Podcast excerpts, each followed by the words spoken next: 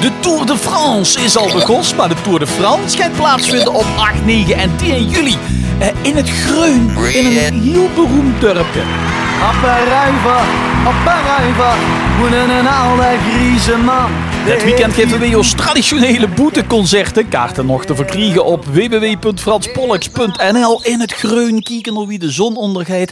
En zo wie altijd voor de concerten een wandeling. Dit jaar een echte tour in etappes. Er duistigt de uurtjes in en ik vertel de Gosse heerwandels en onderweg zus van alles wat de moeite weer is om te bespreken.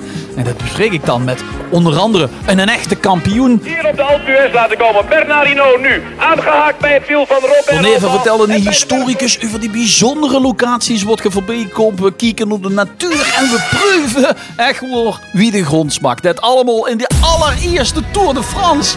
Op een rij van 8, 9 en 10 juli.